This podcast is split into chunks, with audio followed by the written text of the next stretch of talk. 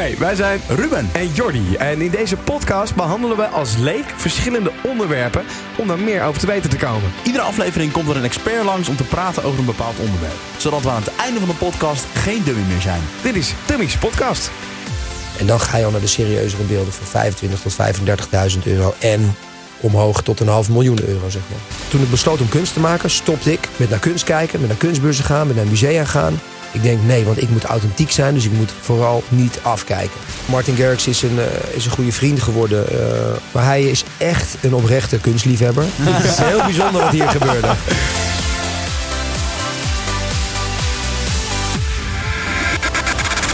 Tummy's Podcast. Sneller dan verwacht, we zijn er weer. Ja, en eh, nou, op het moment van opnemen denk ik een week geleden. Ja, vorige was eh, Lowlands met eh, festivaldirecteur Erik van Eerdenburg.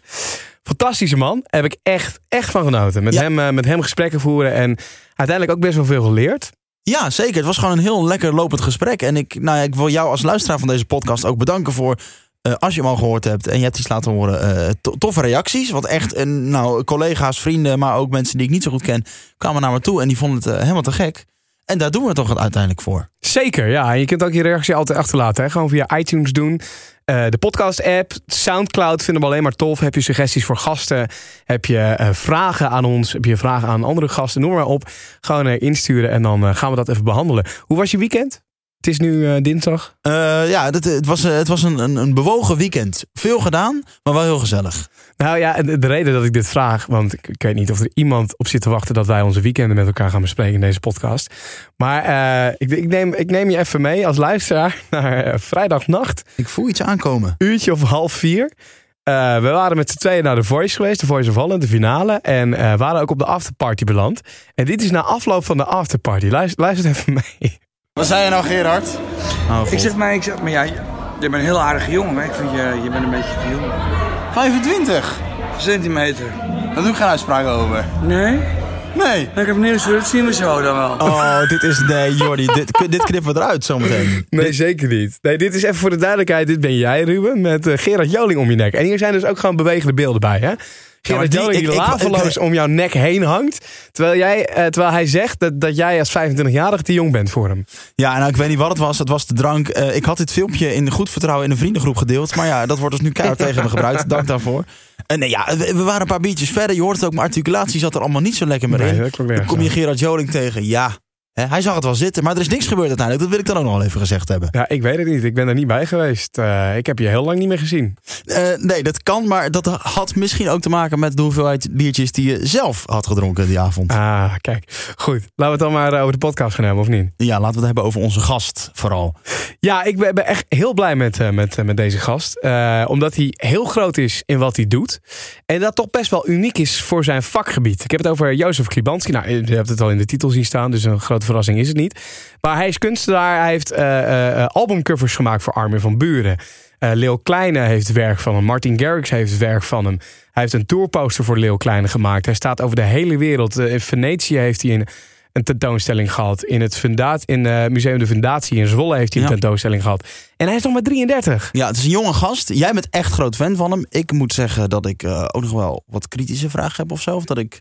Nou ja, de, hij, hij roept ook wel vanuit in ieder geval de kunstwereld volgens mij best wel veel eh, kritiek op zich af. Daar ben ik ook wel heel benieuwd naar. Ja, en een groot fan moet ik zeggen. Ik ben het sinds kort. Ehm, en daar wil ik het ook met hem over hebben. Want hij heeft op social media een enorme eh, following. Ehm, hoe, hoe heeft hij dat voor elkaar gekregen als kunstenaar? Want volgens mij is dat ook best uniek. En ja, de reden dat ik laatst voor het eerst bij een toon- tentoonstelling van hem was... dat ik überhaupt voor het eerst in een nou, soort van museum was... Dat, dat zegt genoeg over ja, hoe hij eigenlijk het mainstream publiek ook bereikt zoals ik. Ja, hij bouwt echt een behoorlijk imperium. Hij heeft veel volgers en eh, gewoon een interessante gast om, eh, om mee in, in gesprek te gaan. Ja, met, met als einddoel denk ik van deze podcast wel een kijkje in de kunstwereld. Hoe zit die kunstwereld in elkaar? Hoe heeft hij het voor elkaar gekregen om die following achter zich te krijgen? En hoe is hij zo populair geworden? En hoe gaat hij om met kritiek? Ja, vooral ook zijn visie inderdaad. Daar ben ik heel benieuwd naar. Ja. Eh, welkom, Jozef Klibanski. Leuk dat je er bent, welkom. Gezellig jongens. Ik had er ook echt zin in. Ja, ik vind dat eh, tof. Jij stuurde mij nog een berichtje vanmiddag. Zin in, ik eh, ben erbij en, eh, en top. Is dit jouw eerste podcast? We vragen het eigenlijk iedere gast nu. Maar Ja, dit, is, dit is mijn eerste podcast. Ik heb op een gegeven moment wel eh, wat podcasts geluisterd. Want eh, ik hou niet enorm veel van lezen. Dus ik Nee. op een gegeven moment heb ik heel veel dingen gedownload en luisterboeken en ook podcast. Ehm, ik weet niet of jullie, eh, uiteraard wel, is het misschien wel een soort van, een soort van legende in de podcastwereld. Maar eh, Joe Rogan heeft natuurlijk eh, in Amerika is een bepaalde bekende MMA-commentator eigenlijk voor UFC. Maar die heeft een hele vette podcast. Oké. Eh, en die gaat eh, dus niet alleen over MMA, maar een soort rode draad, maar ook over gewoon het leven en vraagstukken en allerlei eh, intelligente dingen. Dus daar luister ik heel graag naar, maar nooit eh, ergens te gast geweest. Nou, het grappige is, ik ken deze podcast alleen op de manier, want ik heb zelf niet zo heel veel met MMA, maar ik luister heel veel Wilde Haren podcast, Jiggy J, Hm. eh, Vincent Patty, en die hebben het daar ook alleen maar over. Dus Ja. dat, dat is wel een dingetje Die inderdaad. gast die blijkt eh, blijkbaar mega, mega veel luisteraars te hebben. Eh, dus dat is echt wel iets wat, eh ja, wat je dan later achter komt dat hij zoveel influence heeft. Kom je dan achter. Maar goed, ik heb wel, ik heb wel meer, meerdere keren radio gedaan, maar nooit eh, podcast. Maar dat is een beetje hetzelfde. Maar dan is dit waarschijnlijk nog gezelliger en we hebben meer tijd. Zeker, Nou, ja, dat ja, is het welkom. mooie van, eh, van de podcast. Er zijn eigenlijk geen regels. Eh, wij radiomakers vinden dat soms nog best wel lastig. Omdat je bij de radio heb je allerlei regels en zo. Bij podcasts zijn het niet, dus we kunnen gewoon gaan lullen. En dan zien we wel, als we er een uur over doen, doen we er een uur over. Misschien drie kwartier, misschien anderhalf uur. We gaan het zien. Ja, en we hebben eigenlijk een beetje als, eh, als hoofdvraag. ehm, En dat is echt een hele lastig hoor. En we, we, we, we- ja, we staan best wel aan een grote kluif. Want eh, de hoofdvraag is van ons eigenlijk de kunstwereld. Hoe werkt dat? Ja. En Ja, daarin hebben ja. we jou als, als voorbeeld hierbij betrokken. Omdat jij een enorme following online hebt. En eh, als vrij relatief jonge kunstenaar. En ook nog maar eigenlijk relatief kort bezig bent. Al heel veel succes heeft behaald. En daar ook geld mee heeft verdiend. Terwijl ja, het begrip kunstenaar heeft in, in Nederland volgens mij best wel de lading van joh, dat is hard werken. Maar eigenlijk weinig verdienen. En, en het duurt allemaal heel lang voordat het gebeurt. Nou, jij hebt Ja. het tegenovergestelde bewezen de afgelopen tijd. Dus dat is een beetje waar we het over gaan hebben. En hopelijk gaan we daar een beetje achter komen. Yes, en ik denk dat het gewoon goed is om bij het eh, begin te beginnen. Ehm, want we, hebben, ja, we zijn dummies, dus we hebben ons ook niet te veel verdiept in het onderwerp. Maar eh, logisch, logischerwijs wel ingelezen. Jij bent geboren in Zuid-Afrika. Ja, ik ben, eh, ik ben geboren in Kaapstad. Mijn vader ehm, is geboren in Johannesburg. Mijn moeder is Nederlandse. En eh, mijn vader was ehm, eigenlijk, hij zat, hij zat in de army. En hij wilde niet eh, meevechten of meetrainen met al die zware dingen. En is toen naar, zeg maar naar de fotografieafdeling gegaan. En foto's ontwikkelen en dat soort dingen. Ja. Van allemaal spy footage en spannende dingen. Maar dus zo rolde hij eigenlijk in fotografie. Ehm, en is op een gegeven moment daar, eh, is op een gegeven moment van Johannesburg naar Kaapstad verhuisd. En heeft daar een, een, een professionele fotostudio, eh, is die daar begonnen eh, voor reclamefotografie. Dus voor automerken, motor, drankmerken, dat soort dingen. Hij was echt een meester in, in het uitlichten van objecten. Dat was echt zijn ding. Dus dit is even een bruggetje naar dingen die later terugkomen. Dat wij doen alles met de familie en dan komt zijn skill heel goed van pas. Ja. Ehm, en mijn moeder die, eh, die deed de opleiding En die is op haar 21ste eh, dacht van ik, ik heb zin in een avontuur. Ik pak mijn portfolio, neem ik mee onder mijn arm en ik ga naar, eh, naar Kaapstad toe. Verre reis. Hè? Ook geen internet destijds en geen WhatsAppjes en dat soort dingen. Dus Nee. het was echt wel, een, echt wel een journey. En is er eigenlijk gewoon eh, door to door gegaan naar verschillende fotostudio's. Van hebben jullie mijn, mijn diensten nodig om die modellen op te maken? En daar hebben zij eigenlijk elkaar ontmoet. En Louis en ik, Louis is hier ook, is mijn broer. Ehm, ja, wij zijn eruit gekomen. En op een gegeven moment, eh, er was heel veel eh, politiek aan de hand in, eh, in Zuid-Afrika tijdens de apartheid. En op een gegeven moment hadden zij het idee van het is niet, niet helemaal wenselijk om hier de kinderen te laten opgroeien. Dus hebben ze besloten om. mijn vader wilde eigenlijk naar New York of naar Parijs. Oh, ook lekker. Ja, ja, ja, dat was echt omdat qua fotografie was dat dan Mekka, zeg maar. Ehm toen zei mijn moeder, nou laten we even langs mijn familie gaan in eh, Bergambacht. ja, ja, Dat is wel ja. wat anders. En ehm, tot bepaalde onvrede van mijn vader zijn ze nooit meer weggegaan uit Nederland. En eerst allemaal in die regio gebleven. Dus dat was voor hem een mega, mega cultuurshock. Ja, dus dat Parijs. New York is er nooit van gekomen. Maar dat doen we dus nu allemaal. Maar, maar voor jou niet zo'n grote cultuurshock, toch? Want jij hebt uiteindelijk Nee, maar een nee. jaar of zo in Kaapstad Ja, gewoond, heb ik gehoord. Ja. Ja, ik was heel jong. Ik was, ik was één en Louis was twee. Die is een jaar ouder. Ja, dus voor ons geen cultuurshock. En eh, wij zijn natuurlijk heel blij met, eh, met de keuze die ze gemaakt hebben. Ja. Dat was voor mijn vader wel, eh, wel een moeilijke tijd gehad. Ja, en, en dan jij als kunstenaar, hoe is dat een beetje ontstaan? Ja, ik moet, ik moet toch zeggen, ehm spelende wijs. Ik liep op een gegeven moment, ik deed een opleiding en ik liep stage. Dus dat deed ik bij een studentenmagazine. Dat zat op de grachten. Volgens mij was het Keizersgracht. En een vriend van mij, dat was mijn beste vriend destijds, die, die dacht van, nou, ik ga mijn stage lekker makkelijk doen. Dus ik doe dat bij, eh, bij, bij een bevriende eh, ja, relatie die een bedrijf had en die had een art gallery. Dus ja, iedere middag, ik had een uurtje pauze en hij had een uurtje pauze. En hij zegt, ja, kom anders even lekker bij mij langs in de gallery. Want ik kan met mijn pauze niet weg en jij wel. Ja. Dus kom lekker hier een bakje koffie drinken. Dus ik zat eigenlijk daar voor, weet ik veel, periodes achter elkaar. Zat ik daar iedere pauze in die art gallery. En, en welke leeftijd hebben we het dan nu over? Mm, ja, ik denk dat ik toen, ehm, ik denk twintig was. Oké. Ja, ja, zoiets, 20. En nou, een hele leuke tijd. En ik keek om me heen en denk, wauw man, art. Weet je wel. En, ik was, en ze hadden ook veel fotografie. En er was één arts die deed allemaal eh, naakte dames. En die schilderde daar overheen. Dus dat was eigenlijk een techniek die ik nog niet, eh, niet kende. Ik kende puur fotografie en ik kende puur schilderen. Maar niet de combinatie van, eh, van die twee. Eh, ja, fascineerde mij. En, en op een gegeven moment zei hij van ja, dit stuk, eh, weet je wel, hebben we vandaag verkocht. is 2.500 euro. Ik, 2.500 euro? Wat? Dit is crazy, weet je wel. Mensen die werken hier gewoon twee maanden voor. Laat staan eh, stagevergoeding. Maar goed, ik vond het fascinerend überhaupt het concept. Want ik dacht nooit over, over de combinatie van, weet je wel, echt het, het verkopen van kunst. Ik, ik kende gewoon kunst als iets waar je naar keek. Ja. Maar we hadden thuis een hoop art en een hoop fotografie natuurlijk. Dus ik werd eh, creatief wel gestimuleerd. Maar niet om een artist te worden. Maar meer gewoon, het was in de omgeving. Dus het was me niet vreemd. Nou, op een gegeven moment ehm, hadden zij een eh, kunstenaar daar. En die, hij zei van, nou, is binnenkort is het eh, Koninginnedag heette nog hè, destijds. Ehm, gaat hij dus een paar portretten maken van de Beatrix. En misschien vind je het cool, want die gaat hij verkopen voor 100 euro per stuk. En die gaat hij hier op straat maken, waar iedereen bij is. Oké, tof. Ik dacht, wow, ik moet dit hebben. Het was echt helemaal een soort verliefd gevoel van ik moet hierbij zijn. Dus op een gegeven moment eh, kwam ik daar, dat was een weekje later. En die, ik zag die artist dat doen. Dat was dan eh, 100 euro per stuk. En ik kocht er vier. Maar dat was echt een hoop geld voor mij eh, destijds. Ik kreeg 300 euro stagevergoeding. En ik werkte in een discotheek eh, in Amsterdam in Want- de avond. Waar, waar liep je zelf stage dan? Want je hebt het nu dus over het stagebedrijf van die maat van jou. Ja, Eh, Je eigen stagebedrijf vond je dan minder interessant. ja, dat boeide me totaal niet. Want nee, waar dat was boeide dat? me totaal niet. Het was een studentenmagazine. En ik moet zeggen, hele leuke, lieve mensen. Eh, ik heb er echt helemaal niks geleerd. Ehm, dat had niks te maken met het bedrijf voor overigens. Alleen, eh, weet je wel, ik, ja, ik, ik wilde altijd meer en avontuur en dingen. En ik, ik, ik zag zo'n stage. Ik keek ernaar en denk ik, ja, ik moet hier gewoon mijn tijd vullen. Ik moet professioneel zijn. Ik moet ze het gevoel geven dat ik eh, heel serieus ben. Maar ik moet wel zo min mogelijk doen. Ja. Want ja, ik wist al, en dat was de reden, dat ik daar niks mee ging doen. Kijk, als het nou echt mijn droom was, dan had ik natuurlijk heel goed opgelet. Dus ik kwam op een gegeven moment het idee, ja, we gaan, eh, hè, we moeten een enquête gaan maken, een uitgebreide enquête. En dan moet ik naar allemaal verschillende scholen en dan moet ik mensen gaan interviewen. En dan hebben we dan eh, informatie en dan doe ik een enquête over studentenmagazines. Dat was hun business. Dus ik had natuurlijk al eh, vrij vroeg bedacht dat ik dan lekker erop uit kon zonder toezicht. Ja. En terug moest komen met ingevulde formulieren. Wie dat dan invulde, hè, dat... Creatief, creativiteit, dat komt er ook Ja. kijken dan. Ja. Maar maar wa- wat is dan het moment dat jij bij jezelf denkt... oké, nu durf ik, durf, ik, mijzelf kunstenaar slash artist te noemen? Kijk, het begint spelenderwijs. Ehm eh, omdat we nu de tijd hebben in de podcast, kan ik het een keer helemaal vertellen. Want als je dan een tv-interview hebt of een magazine, dat is toch allemaal eh, heel beperkt. Maar ik, ik vind het wel leuk om het, nu, om het nu een keer goed te doen. Als jullie de tijd hebben. Zeker, we hebben alle Ja, tijd. ik hoorde net een uur, anderhalf uur, dus eh, dat kunnen we wel vol eh lullen. Er staat water aan de, aan de zijkanten, dus we kunnen Ja. water drinken en eh, noem maar, maar op. Ja. Ga je gang. Nou, top.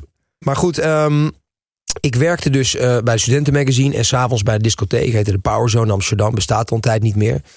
Eh, en op een gegeven moment, ik verdiende daar best goed. Ik verdiende daar 120 euro op een avond. En op een gegeven moment dacht ik, ik, ik dacht, weet je wel, ik, ik had echt in mijn hoofd van dat art maken, dat art maken. Weet je, dit is iets voor mij. Eh, ik heb een verhaal te vertellen. Eh, ik heb iets toe te voegen aan het landschap. Want ik was in die gallery en ik had ieder werk gezien. En ik had zoiets van, ja, maar wat ik in mijn hoofd heb, dat bestaat niet. Dat ging op een gegeven moment malen en denken, ja, ik moet hier wat mee doen. Dus ik had, het, ik had het denk ik niet eens tegen mijn ouders verteld. Ik spaarde wat geld en ik ging toen naar zo'n elektronicazaak. En dan dacht ik, ja, wat, ik zeg, wat is de snelste computer die je hebt voor, voor Photoshop? Nou, dat is deze, die kost duizend eh, gulden. Euro, weet ik, ik weet niet eens meer wat het was. Euro zal het wel zijn.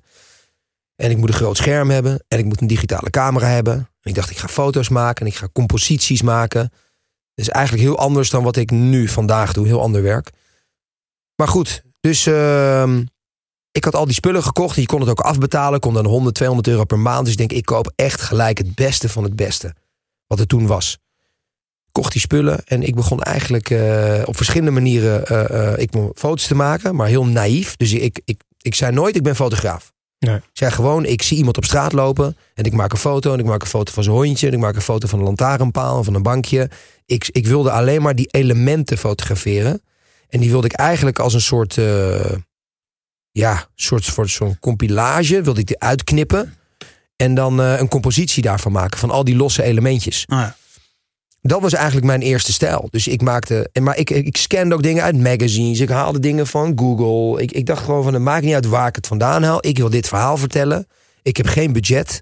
Ik moet dit gewoon die beelden bij elkaar krijgen. En je ouders die hadden natuurlijk net gelijk zoiets bij de creatief. eh, laat hem lekker zijn gang gaan. Ja, die, die, die, ik zei ook helemaal niet, ik ga het maken en ik ga het verkopen. Het was gewoon, weet je wel, ja, ze weten eigenlijk helemaal niet wat je kinderen echt doen. Natuurlijk zijn wel supporters komen binnen, oh cool. Maar het was nog niet serieus. Maar wat, wat waren dan die verhalen die jij wilde vertellen? Ja, ik had gewoon. ehm, ja, bijvoorbeeld, ik, ik, ik, ik maakte eh, bijvoorbeeld een, een, een dame in een bad met een douchekop waar allemaal tekst uitkwam. En dan had ik zoiets van: eh, die tekst die eruit komt, dat zijn allemaal soort van quotes. Dus zij, zij showert zichzelf in, eh, in, in quotes, in verhalen. Ja, dat was natuurlijk wel weird. Maar ik had ook bijvoorbeeld een, een dame in, in, in een soort charretels. En daar deed ik dan een struisvogelhoofd op.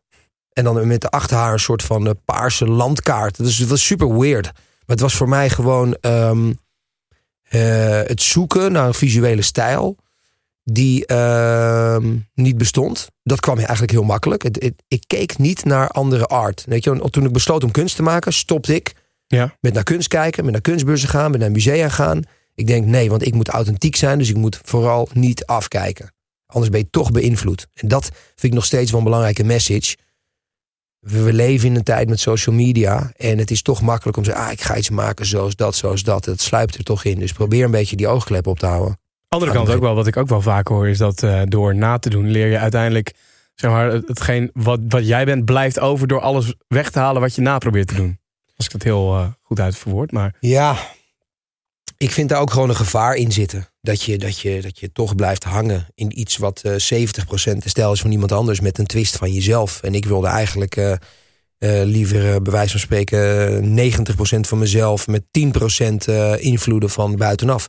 Want de invloed die ik had was gewoon een soort eh zeitgeist eh, portret. Weet je wel? Wel- Waar, welke tijd leven we in? Vertel iets over je tijd. Mhm. Maar gebruik ook vooral de technieken van je tijd. Maar jij zegt, eh, je, bent, eh, je bent gestopt met naar, naar kunst kijken. eh, je bent helemaal voor jezelf gaan nadenken. Ehm, als ik artikelen over jou lees, dan wordt de naam Jeff Koons ook heel vaak genoemd. Heb je daar nooit naar gekeken? Nooit, nooit. Aan het begin heb ik daar nooit naar gekeken. Ik kende de naam van deze kerel helemaal niet. Nu natuurlijk wel heel erg goed. Maar je moet ook bedenken, ik deed ook geen sculptuur aan het begin. Ik heb eigenlijk zeker zeven jaar lang alleen maar een soort van digitale stedenportretten gemaakt, noem ik het dan eventjes. Dat is uiteindelijk geworden. Dus de stijl aan het begin is een beetje geëvolueerd in een soort van stedenportretten met ook eh, flora en fauna eroverheen. En daar schilder ik weer over. Dus het was wel eh, het schilderen over mijn compositie heen. Ja. Eh, die mixed media. Dus misschien bedenk ik me nu dat ik dat heb meegekregen van die tijd in die gallery. Dat er een fotograaf was die die naaktportretten deed met wat verf erop. Hij deed volgens mij gewoon wat spetters erop en weet ik veel wat. Maar ik, ik schilder dan die bloemen in met fluoriserende kleuren. Maar dat, dat Jeff Koons verhaal is gekomen eigenlijk eh, later toen ik beelden ben gaan maken. En je moet heel goed begrijpen dat mensen ehm, houvast nodig hebben. Niet ik, maar viewers.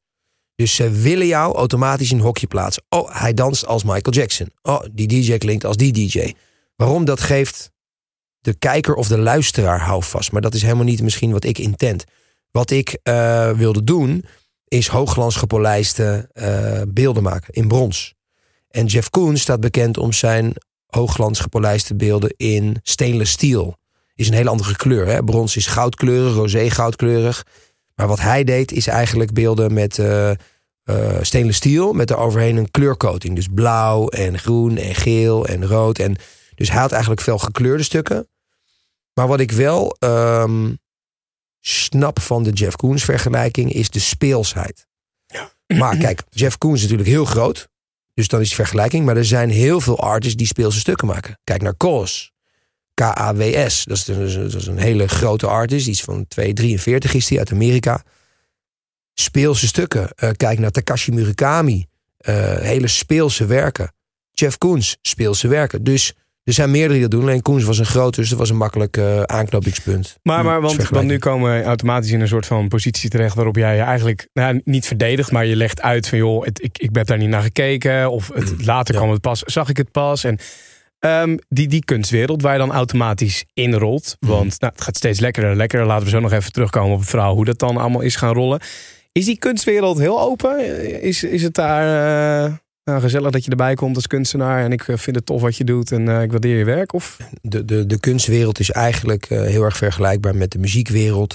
Ehm, het werk wat een, wat een DJ maakt is muziek. Het werk wat, weet je, wat, wat, wat een dirigent doet met zijn orkest is muziek. Er zijn heel veel stromingen. En van buitenaf, hè, muziek is muziek en kunst is kunst. Maar dat, dat is niet zo. Hè? Je Nee. hebt modern art, je hebt contemporary art. Ik doe een contemporary art, dus, dus hedendaagse kunst. Dus kunst die dan zeg maar nu gemaakt wordt, in een bepaalde periode tot en met eh, heden, zeg maar. Ehm, en er is gewoon een hele elitaire kant van die kunstwereld. Dus als je kijkt naar de, naar de musea, ehm, de top top galleries in de wereld, dat is eh, om een reden eh, heel erg dichtgetimmerd omdat, ja, dat is, dat is de bedoeling van de elitaire wereld. Ja. Daar kom je niet zomaar bij, daar moet je naartoe werken. Ja, dan heb je ook een hele commerciële kans van de kunstwereld en van de muziekwereld. Hè, bijvoorbeeld eh radiohitjes. Ja, dat begrijpt iedereen, vindt iedereen chill. Ja. Maar de, degene die in de auto zit, die zegt wat een topnummer. Maar degene uit de elitaire kant van de muziekwereld, die zegt wat een commerciële rommel, bij wijze van spreken. Weet je, wel, het is altijd een beetje flauw. En je moet altijd hard vechten om bij de elitaire kant te komen.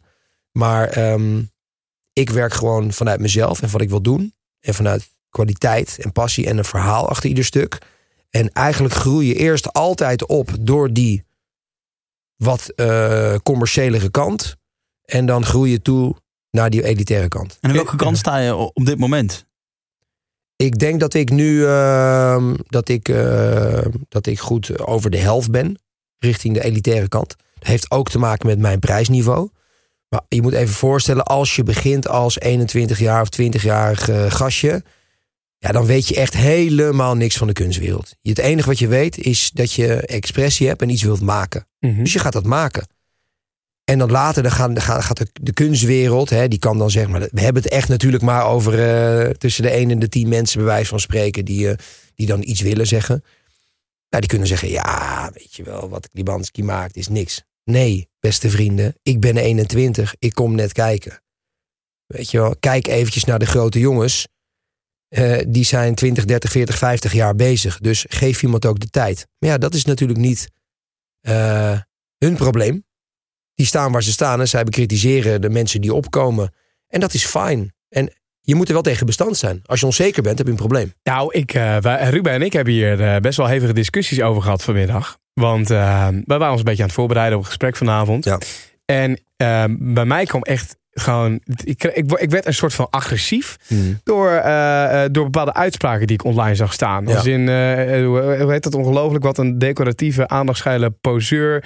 Er zit echt nog geen heel een klein beetje artisticiteit in deze commerciële marketing. Bladibladibla. Ja. Dat zijn dan mensen uit de kunstwereld die dat zeggen. Ja. Ik denk dan de hele tijd, wie ben jij om te zeggen dat iets wel of niet kunst is? Nou, dat is volgens mij sowieso een vraag die nooit te beantwoorden is. Nou, wat ik heel interessant vind is eh, via mijn Instagram stories kun je dus eh, die leuke nieuwe functie die zes maanden bestaat, kun je dus eh, polls doen. Hè? Kun je vragen Ja. stellen, ja, nee. En dan ziet iedereen Ja. ook de percentages.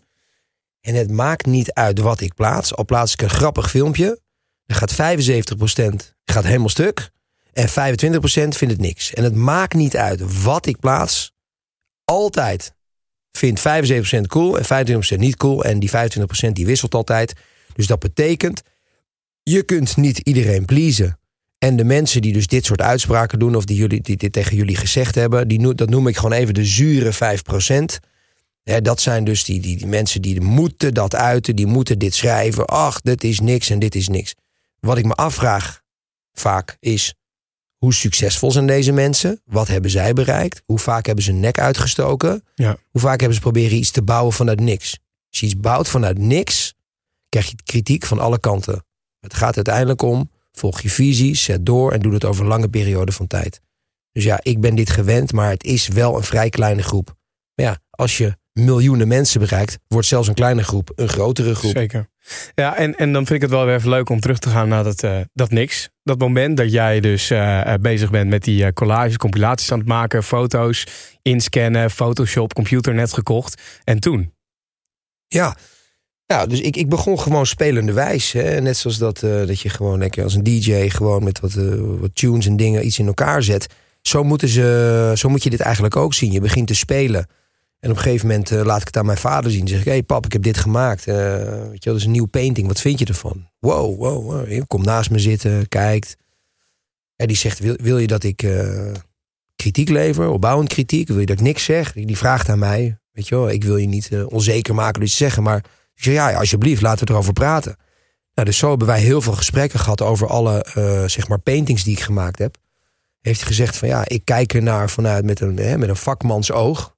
Vanuit de fotografie. En ik vind dat, weet je, qua compositie zit nog niet helemaal goed. Misschien moet je dit en dat. En hebben we eigenlijk uren en nachten en dagen en weken lang gewerkt samen aan artworks. Waarvan ik eigenlijk eh, bijvoorbeeld 95% deed. En waar ik die laatste 5% met hem eh, weet je, ging bespreken uitvoerig. Ja. Maar waardoor dat kunstwerk wel zoveel beter werd.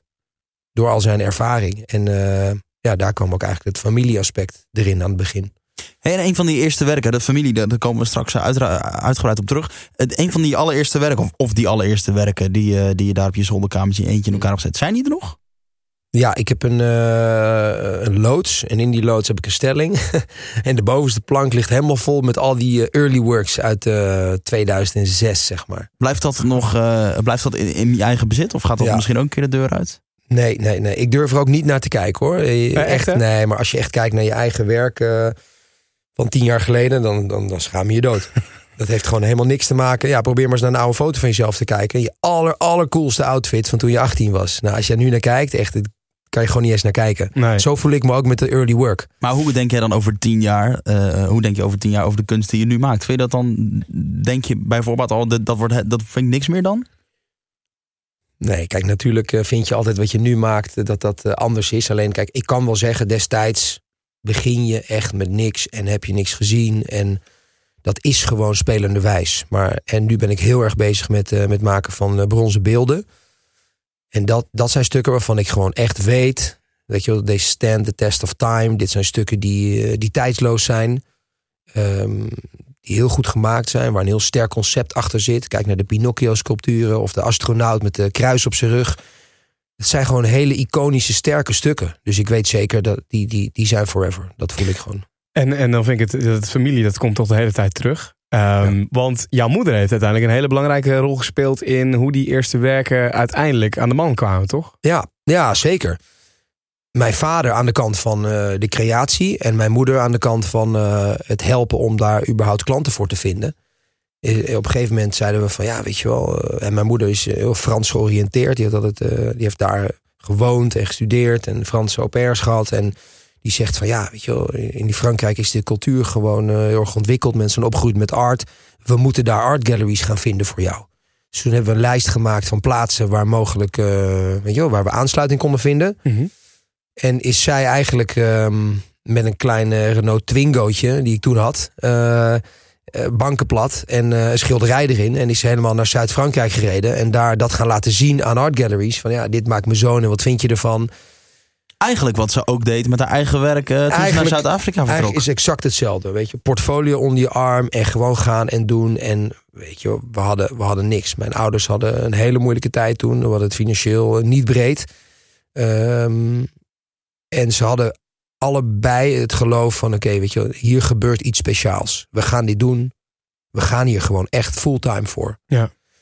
Dus ja, dat was spannend. We verdienden echt helemaal niks aan het begin. En eh, toen vonden we aansluiting bij een art gallery. Die zei, ja, ik vind het werk heel gaaf. We krijgen hier iedere dag krijgen we hier kunstenaars binnen.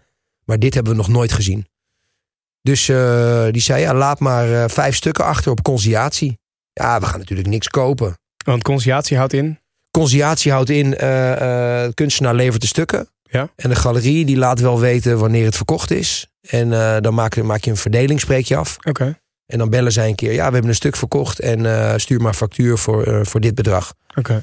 Maar dat is, een, dat is eigenlijk een eh, systeem wat de hele tijd gebruikt wordt. Maar ehm, ja, er zit ook heel veel flaws in. Omdat je, kunt je kunt een, een gallery vijf stukken leveren. Maar dat stuk wordt binnen een week verkocht. Maar zij zeggen twee maanden later pas, als je belt, hoe gaat het? Oh, trouwens, we hebben gisteren dat stuk verkocht. Maar is al twee maanden geleden verkocht. En dat gebeurde gewoon heel vaak. Mm. Ze waren niet, niet eerlijk. En eh, als artist moet je het maar financieren. Je hebt die vijf stukken gemaakt. Je hoopt dat er wat verkocht wordt. Je hoort niks. Je wil ook niet zeiken door steeds te bellen. Heb je wat verkocht? Maar Ja. wie bepaalt die prijs dan op dat moment? Die gallery of doe Ja, jij dat doe, je, dat, dat doe je samen. Dat doe je samen. Je kijkt van eh, hoe groot is het werk, eh, wat heeft de artist bereikt in zijn carrière, hoe, hoe, hoe oud is die, wat is zijn oeuvre. Ehm, weet je, komt hij net kijken of niet? Ehm, eh, maar ook wat voor ander werk hebben we hangen, tegen welke prijzen. En weet je, wel, waarvoor verkopen we dit werk? En waar, wat doen we dan met een Klibanski qua pricing? En op een gegeven moment bepalen we een prijs. En uiteindelijk betaal, eh, bepaalt de markt wat ze willen betalen. Want het is natuurlijk gewoon een, eh, een marktwerking. Ja, nou, dat vind ik wel interessant om later ook nog even terug te komen op, Ja. op de, de, de waarde die jij nu aan een stuk geeft. Want daar hebben we ook nog een, een luisteraarvraag van, eh, van gekregen. Ehm, maar dan hebben we het volgens mij over 2008, 2009, 2010 geloof ik dat jij de eerste doorbraak had met jouw schilderijen dan, toch? Oeh, dat dan moet kloppen? Ik eens even nadenken. Ehm, nou, weet je, jij noemt het woord doorbraak, maar ik heb dus nooit het gevoel van eh, doorbraak gehad. Veel mensen die, eh, die wachten eigenlijk als ik een verhaal vertel van ja, wat was dan het moment dat het gewoon bang ging, weet je wel? Of weet je, was er iemand of een celebrity die jouw werk kocht en toen ging het los? Nee, het is echt gegaan stapje voor stapje als een laddertje zonder grote bangs. Gewoon bouwen en eh, ik wilde altijd dat het harder ging, maar het ging gewoon niet harder. Weet je, je wilt altijd meer. Als je begint als DJ, dan wil je morgen gewoon de bom zijn. Dan wil je gewoon top 10 staan, maar dat, zo werkt het gewoon niet. Dus ehm, nee, wij gingen gewoon stapje voor stapje. De 2007, 2008, eh 2007 was mijn eerste... Nee, 2008 was mijn eerste zeg maar, boekjaar als bedrijf. Ik schreef me in als de KVK. Ik zei, dit ga ik doen de rest van mijn leven. En ik, eh, ik schrijf me in als KVK. Ik ben nu een bedrijf. Ik ga dit doen. Ja. Dus dat was mijn eerste hele jaar. En ik denk, eh, ja, ik denk dat we 2009 zijn we denk ik naar Frankrijk gegaan. En In de toen- Twingo. in de Twingo, in de Twingo. En toen begon het te lopen. Ja, die Twingo, dat, dat hebben we allemaal... Ik denk wel drie jaar hebben we zo'n die Twingo gehad. Even tussendoor, die, die, de- die Twingo is inmiddels ingeruild, hè? Dit vraag ik Ja. als autoliefhebber trouwens. Ja, ben je autoliefhebber? Nou, Ja, ik mag graag naar mooie auto's kijken. Ja, Ja. fantastisch. Ja, ik moet zeggen dat, ehm, gezien we de tijd hebben, eh, auto's is echt, eh, echt mijn, eh, mijn passie. Art is mijn- grootste passie en mijn werk. Maar het voelt natuurlijk als een droom om art te kunnen maken. Eh, weet je, maar in mijn vrije tijd vind ik het gewoon heel lekker om, eh, of ook voor afspraken, om, om in een mooie auto te rijden. Ehm, en dat had ik echt al vanaf jongs af aan. Mijn vader die had op een gegeven moment, hadden, of mijn ouders hadden een, een kledingbedrijf. Eh, en daar, als zij dan eh, spullen inkochten uit het buitenland. Die leverancier die deed dan altijd een modelautootje in die doos met die truien die ze kochten. Nou, tof. Omdat ze dan een orde plaatsen boven de duizend eh, euro of zoiets. Dus elke keer was het van, hey Joe, er is weer een autootje. Dus ik dacht, wauw. Dus ik had al die autootjes. En wat ik ook wil zeggen is, want we gaan zo meteen naar welke auto's ik rij. En dan kunnen mensen een bepaald eh, beeld hebben misschien van decadentie of niet. Maar ehm, eh, ik vind de, de echte liefhebberij voor auto's vind ik een heel puur iets. Want op het moment dat ik eh, langs rij, dan heb je echt kinderen van twee jaar oud, jongens en meisjes, die zeggen: Wow, kijk mama, kijk mama, wat is dit? Die zien echt het verschil tussen een, tussen een Opel of een Ferrari, zeg maar. Ja, ja, Dus, dus, maar ze hebben geen besef van status, het concept. Ze hebben geen besef van het concept geld, dat bestaat niet. Maar ze hebben wel besef van het concept esthetiek. En ze zien, wauw, dit vind ik mooi. En dat had ik al echt vanaf jongs af aan. Wauw, dit vind ik mooi. Later blijkt dat je daar heel hard voor moet werken. Maar eh, ja, ik hou heel erg van eh, sportauto's. Wat voor auto staat er hier nu voor de deur? Eh, nu voor de deur staat een eh, Ferrari 812 Superfast. Wat doe ik hier nog, joh? En eh, dat is de, de aller, allernieuwste Ferrari. Dus de opvolger van de F12, dus een 12-cilinder. Ja, te gek. is de aller, allernieuwste. En ik heb, er zijn er maar twee in Nederland waarvan, waarvan wij er eentje hebben. Het is maar goed dat dit niet live is, want dan eh, betwijfelde ik of hij er over een uurtje nog stond. Ja, ik ben er ook blij om. We gaan hem straks bekijken. Ik wil toch wel even de schakeling maken naar eh, datgene wat jij doet. Eh, dus zo had ik ook een vraag van tevoren al opgeschreven. Ehm, want eh, daar moet je gewoon eerlijk in zijn. Er zijn mensen die hebben kritiek of die hebben iets aan te merken op datgene wat jij doet. En ik denk dat het een groot verschil is, dat, dat is mijn eigen beeld wat ik ervan heb, tussen jou en een eh, kunstenaar als in de mensen die kritiek op jou leveren, is dat ehm, ja, in principe eh, run jij een bedrijf. Ja. Hè, er werkt, hoeveel man werkt er nu voor jouw bedrijf? Eh, Iets van 30 totaal zijn we. 30 We, man. hebben- we hebben de familie, dat is de core team. Daar komen we zo op terug, hoorde ik. En dan hebben we zeg maar het personeel. Ja. En samen vormen we echt een family. En werken we aan de stukken, aan de logistiek, aan de administratie. En we hebben heel veel export. En, maar voornamelijk het, eh, het helpt met het maken van stukken. Ja. En, en, en eh, weet je wat jij zegt, het is een bedrijf. Klopt 100%, het is een bedrijf. Ehm, wat mensen echt moeten weten. En wat echt leuk is aan zo'n podcast om te vertellen, is dat eh, alle top artists hebben een bedrijf. En als je kijkt naar een Jeff Koons, waar we net over hadden, of een Damien Hirst of een Murakami, die hebben zeker iets van 100 man personeel. Ehm, waarom? Als, je, als je, zeker als je beelden gaat maken, maar ook grote schilderijen. Op een gegeven moment als artist word je een beetje de architect, maar niet de metselaar. Hè, dus een hele grote architect, hij heeft dat gebouw gemaakt. Nee, nee, maar, ja, maar hij heeft hem niet gemetseld. Hij heeft hem Hij heeft bedacht. hem getekend, ontworpen, bedacht, is zijn visie, het zijn oeuvre. Maar hij is niet de metselaar. En op een gegeven moment, dus wat ik doe, is ik bedenk het. Ik maak een schets. Ik werk met mijn 3D-designer maandenlang aan exact hoe het eruit moet zien. Dan printen we een schaalmodel met een 3D-printer. Dan maken we nog meer tweaks eraan. Hij moet, en maken we nog een schaalmodel. En uiteindelijk zeggen we, oké, dit is wat we gaan maken. En dan gaan we zitten met het team en de bronsafdeling. Wordt gerund door mijn vader, de hele studio. Ehm, en zeggen we, oké, hoe gaan we dit maken in het brons? En dan begint dat proces. Ja. Maar je moet voorstellen, een bronzen beeld werk je aan met eh, in totaal denk ik een team van vijf man. Tussen de mallenmaker, de wasafdeling, ceramic shell en het maken van het brons en het afwerken, het gieten. Want wij hebben ook een eigen bronsgieterij in-house. We doen alles Oh, in-house. wauw, dat, wil ik eigenlijk, dat wilde ik eigenlijk net vragen. Maar dat, dat is ook dan Ja. in Naarden waar jij je galerie hebt? Ja, Dat, dat ja, ja, dat is de studio. We hebben daar een hoekje. Dat is eigenlijk een eh, soort van eh, museale space. Een soort tentoonstellingsruimte. Maar dat is eigenlijk de studio. En eh, wat nou, bijna geen artist hebben ter wereld. Ik, ik weet ook niet wie het wel hebben, behalve wij. Maar dat is een eigen bronsgieterij. Oké. Dat, En- is, eh, dat is Ja. uniek. Dat is heel uniek en heel kostbaar en heel moeilijk. En vijf jaar R&D. Eh, maar we hebben dit echt gedaan uit noodzaak. Bij- bijna alle artists die werken met eh, externe bronsgieterijen. Maar niemand kon eigenlijk de kwaliteit halen die wij wilden. We hebben het over van LA, Duitsland, eh, België, drie gieterijen in Nederland. Het is echt heel moeilijk. Ik, ik, ik vind het meer interessant. Eh, ik, de vergelijking die ik aan het maken was, eh, wil ik toch nog even op terugkomen. Want we hadden het net over jouw auto. Ja. Dan ben ik op, oprecht benieuwd. ehm, degene die jouw auto heeft ontworpen, vind je Ja. dat ook een kunstenaar? Ja, ik vind, ik vind automotive design, eh, weet je, dat zijn ook artists. We noemen ze designers. Dus het zijn geen artists. En ze noemen zichzelf ook geen artists. Ze noemen zichzelf eh, car designers. Dus eh, nee, het is geen kunst. Als, je het, als ik het echt even goed moet zeggen, nee, het is geen kunst. Het is, het is design.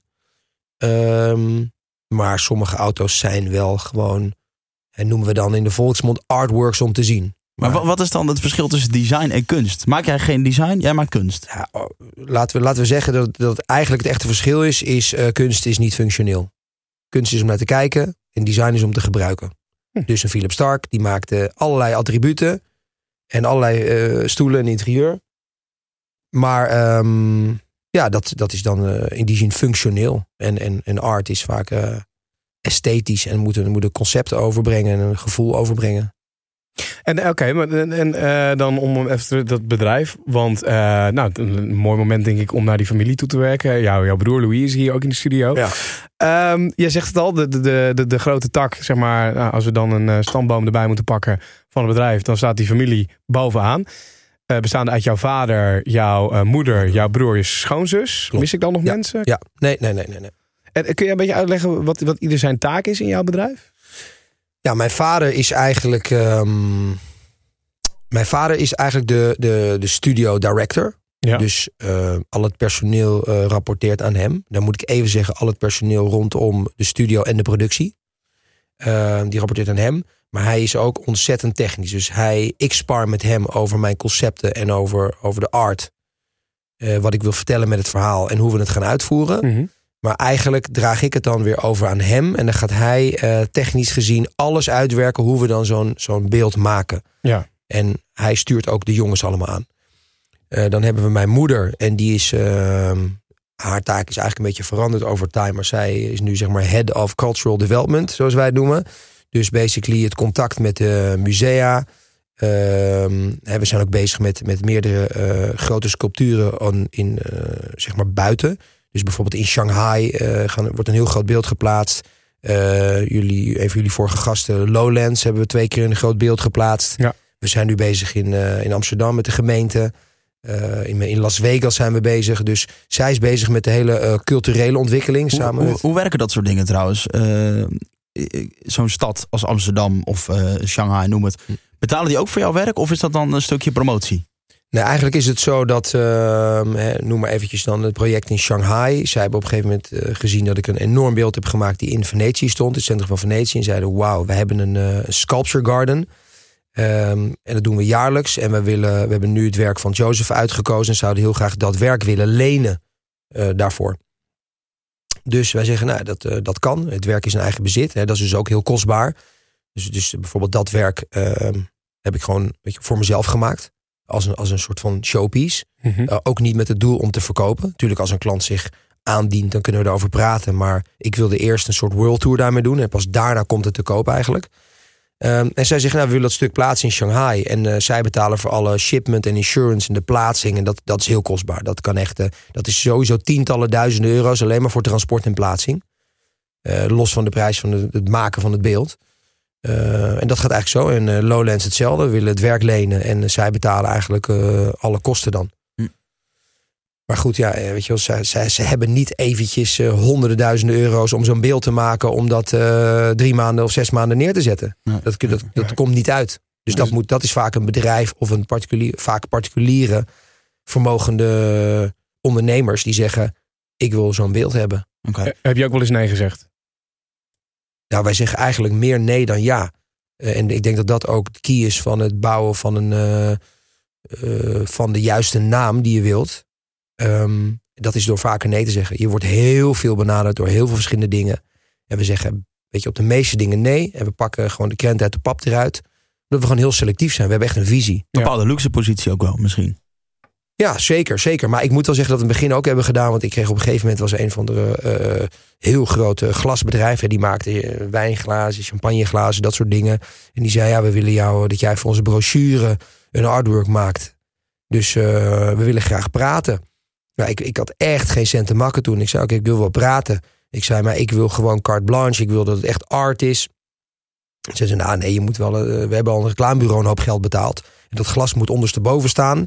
En daar moeten een paar mensen uh, moeten daarin dansen. Of in een tuxedo, of in een dit, of in een dat. Ik zei, ja, maar sorry, dit is echt een slecht idee. Ja, maar we hebben die mensen al een hoop geld betaald. En we willen dat jij dit dan uitvoert als artist. Ik zei, ja, dat ga ik niet doen. En dat ging toen over 12.000 uh, euro.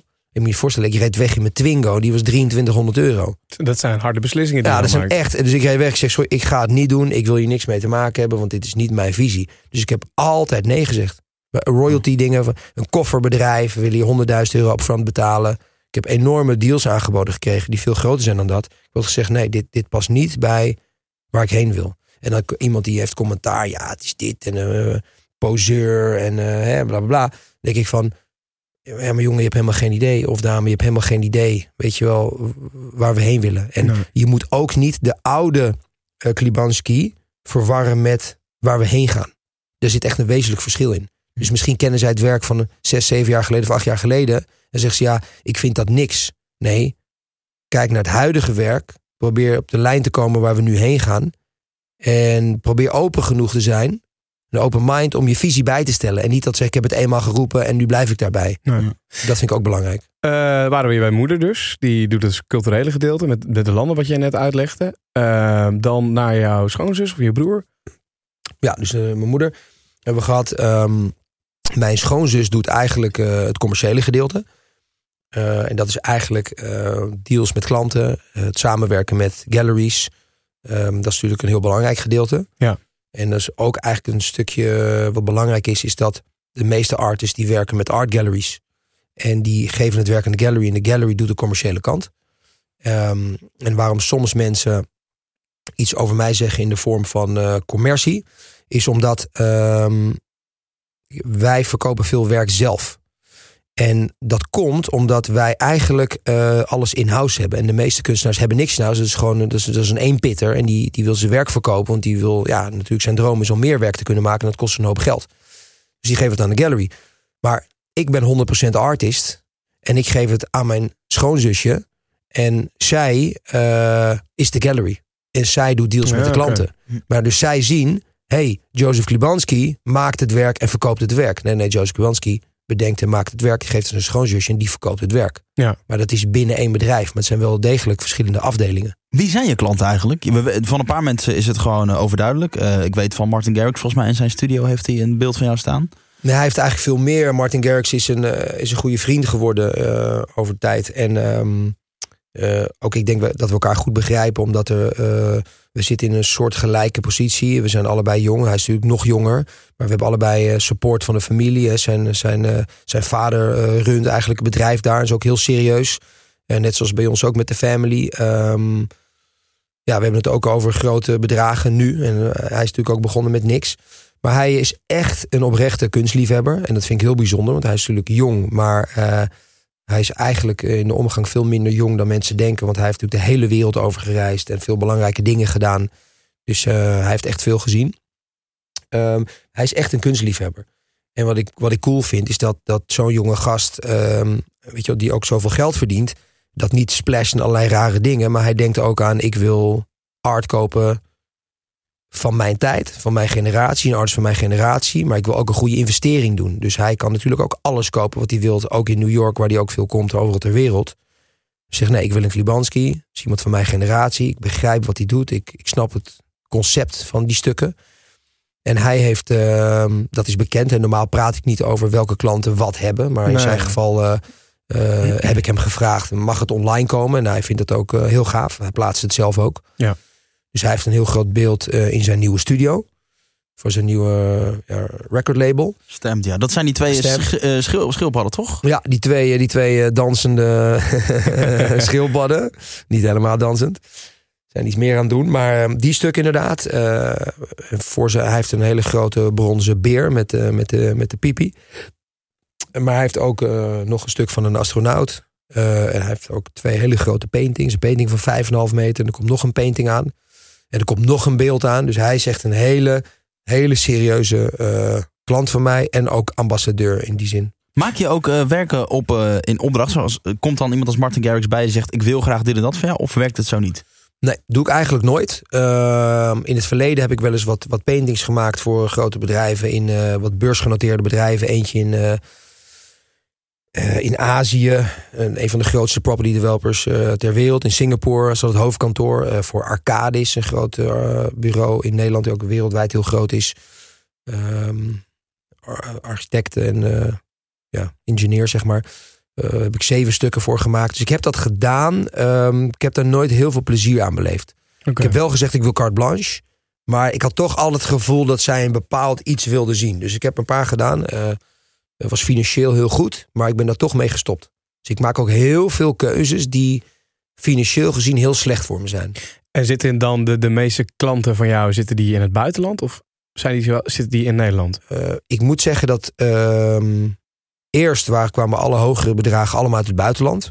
Eh, heel veel Frankrijk, Zwitserland, UK, US, zou ik zeggen. Dat een beetje. En, en ik moet zeggen, laatste drie jaar eh, ook steeds meer uit Nederland voor de, voor de, voor de, voor de hogere bedragen. Eh, dus we hebben nu een mix. Ik denk, ik denk dat we nu zitten op eh 70% buitenland, 30% Nederland. Of misschien 60, 40, 40% Nederland. Ja. Dat is een beetje verschoven. Maar het was eerst echt 80% buitenland. Je zegt hogere bedragen. Eh, wat, wa- waar praten we over? Dan hebben we het eigenlijk over de stukken tussen de 100.000 en 300.000 euro voor een stuk. Ehm, misschien wel een goed moment om even dan een, eh, een, luister, een luisteraarvraag erin te gooien. Van, Ja. van Ryan in dit geval. Laten we even, even luisteren. Hi Jozef, Ryan hier. Ik vraag me af, hoe bepaal jij hoeveel geld je voor je werken wil hebben? Ja, natuurlijk een hele, hele goede vraag. Ehm, heb ik eigenlijk net al een beetje aangestipt. Ehm, je kijkt eigenlijk naar een aantal eh, pijlers. En de ene is, ehm, waar ben je in je carrière? Dus hoe lang ben je bezig?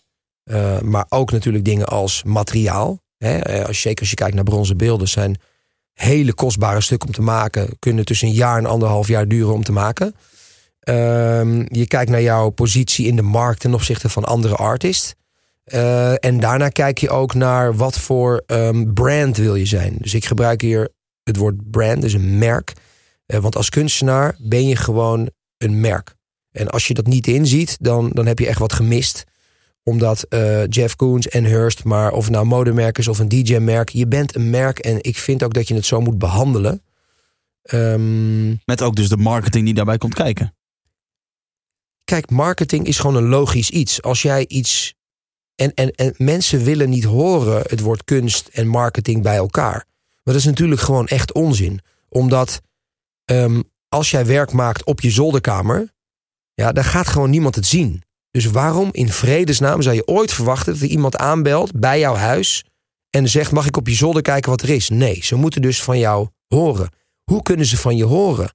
Doordat jij exposure genereert in de pers, met een boek, met social media. Ja, maar hij doet aan marketing. Oké, maar als ik deze dingen niet zou doen, hoe de hel weet iemand wat ik aan het doen ben? Niet.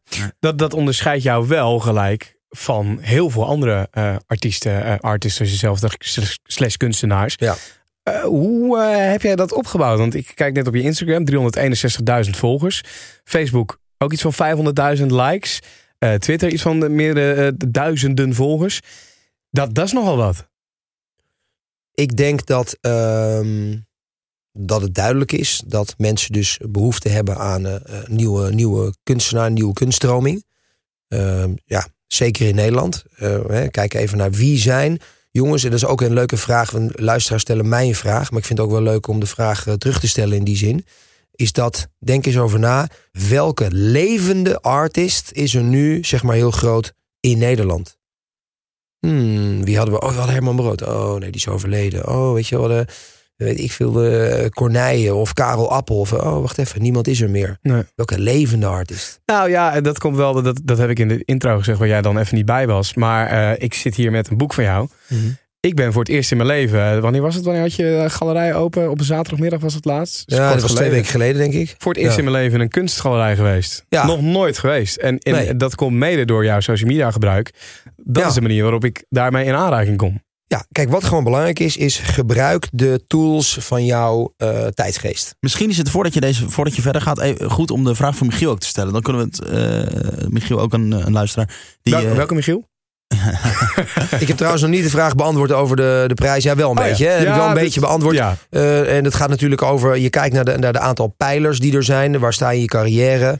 Weet je, wat heb je bereikt? Eh, wat, wat, wat, wat kost een werk om te maken? Alles speelt een factor. En, en de branding, op een gegeven moment kies je je positie. Ja. Ben, je, ben je Ferrari of ben je Volkswagen? Allebei hele sterke merken, maar ze kunnen niet meer verschillend zijn. Dus, dus, dus wat wil je zijn? En eh, je moet daar ook de gevolgen van... eh, weet je, daar moet je ook mee kunnen dealen. Dat als jij zegt, ik maak dit werk. Zeker aan het begin van mijn carrière toen ik beelden ging maken, maakte ik bronzen beelden die ik moest verkopen voor een prijs ehm, die onder mijn kostprijs was. Oh, wat is de kostprijs van een, een beetje Klibanski? Nou, kijk, daar, daar praat ik sowieso nooit over. Dat is niet omdat het eh, zo raar is, maar eh, ik vind dat het, eh, om daarover te praten, haalt een hoop romantiek weg. En ik vind het ook gewoon, ja, wat kost een canvasdoek van Picasso, weet je wel? Ja, wat kost een tube verf, wat kost een doek? Is Ja, de- ja, snap je? Ik bedoel, een soort van, eh, ga er maar vanuit dat als je een bronzen beeld maakt en je moet, eh, je moet vijf mensen lang eh, een jaarsalaris betalen, je moet mallen maken, je moet materialen doen. Dan kan iedereen bedenken dat als je dus vijf jaar salaris moet betalen om een beeld te ontwikkelen. eh, en de huur van je pand en je equipment. Ja, daar, kun je heel veel berekening op loslaten, maar het kost echt serieus heel veel geld. En, en eh, maak jij, eh, eh, want je maakt ook, je maakt ook wel eens oplages van, van kunstwerken, Ja. limited editions. Ja. Ehm, is het zo dat jij altijd standaard van één beeld twee beelden maakt, bij wijze van spreken, voor een klant als die dat wil? Of hoe moet ik dat, hoeveel oplages maak jij van kunst? Eigenlijk, eigenlijk ehm, eh, van alle beelden, hè, bronzen beelden, maakt niet uit wat. Ook, ook, ook de Jeff Koons, die dan even weer terugkomt. Eh, is altijd een, een, een oplage. Ja. En de oplage die kun je dus eh, heel schaars houden of, eh, of breed doen. Ik kies voor, voor vrij schaars. Ik maak vijf stuks per beeld. Dus als ik het beeld van die Pinocchio heb met de diamant bijvoorbeeld, dan maak ik er vijf van. Ja. Nou, waarom doe je dat ook? Waar we het net over hadden, die kostprijs. Op één beeld kan je dat gewoon niet uh, justifyen. Dat kun je niet terugverdienen. Dat, dat red je gewoon niet. Ja. Dus je moet er altijd een aantal maken om überhaupt uit te komen. Dus ik, ik doe er vijf, maar je hebt ook artiesten die doen er twintig. Bij mij hangt het een beetje af van het formaat. Bijvoorbeeld een heel groot beeld met die, met die astronaut met die stoel is er één van. een beeld van drie meter hoog en maak ik er twee van. Mm -hmm. En een beeld van ongeveer anderhalf meter hoog maak ik er vijf van. En dan heb je ook iets lager geprijsde stukken. Daar maken we er bijvoorbeeld 20 van. Dat zijn beeldjes van ongeveer uh, 30 tot 40 centimeter groot. Echt de kleinere beeldjes. Kan ik die betalen eigenlijk of niet? Jij wel. Jullie podcast loopt dus uh, een tierenlier, toch? Nou, dan gaan we zo even onderhandelen. Nee, ja, dat, dat, ik weet gaat, niet, nee, maar goed. het gaat om die kleine beertjes, toch? Die jij in oplagen. En je hebt ook nu. Nee, je, we, we, we, hebben zeg maar, we hebben zeg maar. Je moet even onderscheid maken tussen de, de echte, zeg maar, de, de, de, de belangrijke original artworks. Ja. En uh, wat jij dan net aangeeft, de limited editions. Ja. Uh, dat is toch uh, omdat ik inderdaad heel veel fans heb op social media. Mensen die heel graag iets willen. Die uh, of nog jong zijn en opkomen. Of die gewoon uh, een bepaald budget in hun gedachten hebben. Maar dat zijn stukken bijvoorbeeld. Kijk, vroeger was het allemaal een zeefdruk noemden we het. Hè? Dus een, van een Herman Brood of weet ik wat. Was dan een zeefdruk. Alleen de nieuwe generatie die kent het woord zeefdruk niet. Dus ik gebruik nu limited editions. Want dat kennen ze ook van, van andere dingen. Mm -hmm. Maar eigenlijk zijn het gewoon zeefdrukken. Echt hele mooie handgemaakte stukken. Met meerdere kleurgangen. Met bladgoud. Echt moeilijke stukken om te maken. Waar ik maanden mee bezig zijn om zo'n oplage met de hand te maken. Dan zit je tussen de 1500 euro en de, en de 2200 euro of 2500 euro. Uh, bijvoorbeeld een oplage van uh, uh, 150 stuks wereldwijd. Ja. Dus gaan x naar Nederland, x naar Frankrijk, x naar dit. Dus dat zijn hele gave stukken om te hebben die qua prijs heel behapbaar zijn. Hou er rekening mee, er zit een lijst omheen. Alleen die lijst kost al 400, 500 euro. Met museumglas en alles. Dus dat is niet iets waar wij heel veel op verdienen. Maar uh, ik vind het wel heel belangrijk om uh, weet je wel, mensen in aanraking te brengen met de kunst die zij mooi vinden op die manier. Ja. En goed, en dan heb je dus uh, kleinere limited edition beeldjes waar er dan bijvoorbeeld 100 van zijn. Ook heel mooi gemaakt hebben van aluminium. Zijn dan zeg maar tussen de 3.500 en de 4.500 euro. En dan ga je al naar de serieuzere beelden van 25 tot 35.000 euro. En omhoog tot een half miljoen euro, zeg maar. Ja. Het is allemaal heel interessant en dat merk je aan een podcast. En dat mag ook, je gaat van links naar rechts, van voor naar achter. Maar toch de vraag van Michiel, uh, ik denk dat die goed, uh, goed past. Ik ben namelijk ook ontzettend benieuwd naar je antwoord daarop. Hey Jozef, Michiel hier. Um, ik weet dat jij vooral ook heel erg goed bent in jezelf verkopen. Jij, jou, jouw persoonlijke marketing is fantastisch. En dan ben ik heel erg benieuwd. Um, ik zit zelf ook heel erg in de podcastwereld. Net als uh, deze jongens, Jordi en Ruben. En dat vind ik ook een vorm van kunst. Ik vind podcasts over het algemeen echt fantastisch. Maar het grote publiek moet het nog vinden. Hoe zou jij de kunstvorm podcast verkopen aan het publiek? En begin maar met deze aflevering. Hoe zou jij ervoor willen zorgen dat mensen dit gesprek met Jordi en Ruben met jou horen? Juist. Um, ja, jezelf verkopen. Nou, kijk, weet je, het punt is: het moet uh, een verlengstuk zijn van je karakter. En ik denk dat daar alles mee begint. Ik ben iemand en ik hou van verhalen vertellen door mijn kunst, maar ook gewoon uh, verbaal. Uh, ik ben zelfverzekerd genoeg om mezelf te presenteren op de radio, op tv, op social media. Weet je, dat is gewoon een verlengstuk van wie ik ben. Als ik niet zo geboren zou zijn, dan was ik waarschijnlijk ook niet zo succesvol geweest. Ik kan en het art doen. Uh, en, en, en ik, kan, ik vind het leuk om te praten. Um, ja, dus als, als je dat niet hebt, dan uh, begint een kleine, uh, kleine uitdaging. Dan moet je daar dus aan gaan werken, zou ik zeggen. Ja, om even specifiek te gaan naar zijn vraag. hoe, hoe zou je dat dan doen met deze podcast? Um, het bouwen van een following, of het nou is op YouTube of op social media, dat kost gewoon tijd. Dat kost gewoon echt tijd. Weet je, er komen elke dag komen er een paar volgers bij. Maar wat ik heb gedaan, is het genuine opgebouwd door weet je wel, zieltje voor zieltje te winnen en mensen komen er gewoon bij. En of het nou één persoon per dag is of honderd of duizend, whatever. Het kost tijd. En natuurlijk wil je het liefst aanknopingspunten vinden bij mensen met een hoop volgers en dat die het delen en doen. Hè, bij wijze van spreken, of niet eens bij van spreken. Jullie nodigen mij uit. Ik zeg ja. En als ik vind dat we een leuk gesprek hebben gehad, dan uh, heb ik de optie om dat te delen op social media. Dus die mensen zien dat jullie een coole podcast hebben. Hebben jullie waarschijnlijk zelf ook bedacht. En dan wordt het gedeeld en dan heb je meer luisteraars. En die, daarvan is de kans groot dat ze volgende keer kijken. Hé, hey, wie hebben ze nu weer te gast? Ja. Dus eh, in jullie geval, in het podcastgeval, ja, wil je coole gasten hebben. En liefst gasten met een goede social media following. Want die gaan dan weer hun interview delen. En, en je kan ook mensen vragen uit de businesswereld. En die hebben misschien 300 volgers. Eh, die hebben misschien net wat minder eh, eh, ja, spin-off voor een podcast. Dan iemand die wel een following heeft. Ik denk dat we ook even gelijk door kunnen weer naar jouw broer. Ja, want die hebben we nog niet gehad. Precies. En ik probeer elk Minstens moment even belangrijk. goed moment om naar je broer toe te gaan. Die is er zelf ook bij. Louis, vind je het misschien tof om zelf te vertellen wat, wat, wat jij voor deel uitmaakt van het bedrijf Klibanski? Ja, tuurlijk, tuurlijk, tuurlijk. Welkom, Welkom overigens. trouwens. Ja, Dankjewel, ja. jongens. Dankjewel. Thanks for having me. Nee, ik, ehm, ik moet zeggen, ik ben eigenlijk ook hierin... eh oh, sorry, sorry. Ja, ik ben hier ook ehm, ingerold op een eh, hele natuurlijke manier. Ehm, eh, samen met mijn nu vrouw, toen vriendin. Dat is dus Joseph's schoonzusje, weet je wel. Wij, wij woonden samen op kamers. Ja, Susanna, toch? Susanna. Ja. En ehm, op een gegeven moment begon Jozef dus de, de, de kunst te maken. En ehm, wij deden allebei iets, ehm, eh, iets heel anders. Maar we dachten op een gegeven moment wel van... volgens mij kunnen wij onze, onze forces eh, samenbrengen... om hier een sterker geheel van te maken. En dat is eigenlijk wat er toen is gebeurd.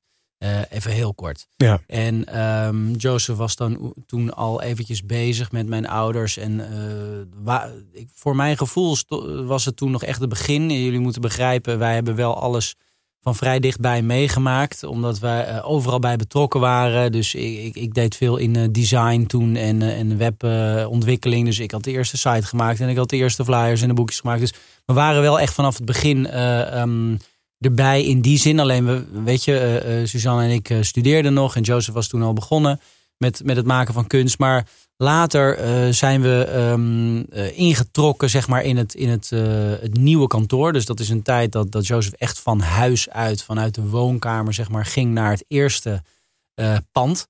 Eh, wat dan ook eh, geweldig was, omdat je nu de kunst kon maken in een, in een ja, wat meer professionelere setting, zeg maar. En dan ook kon eh, tentoonstellen in een hele mooie, mooie space. Zoals je het zelf wil zien.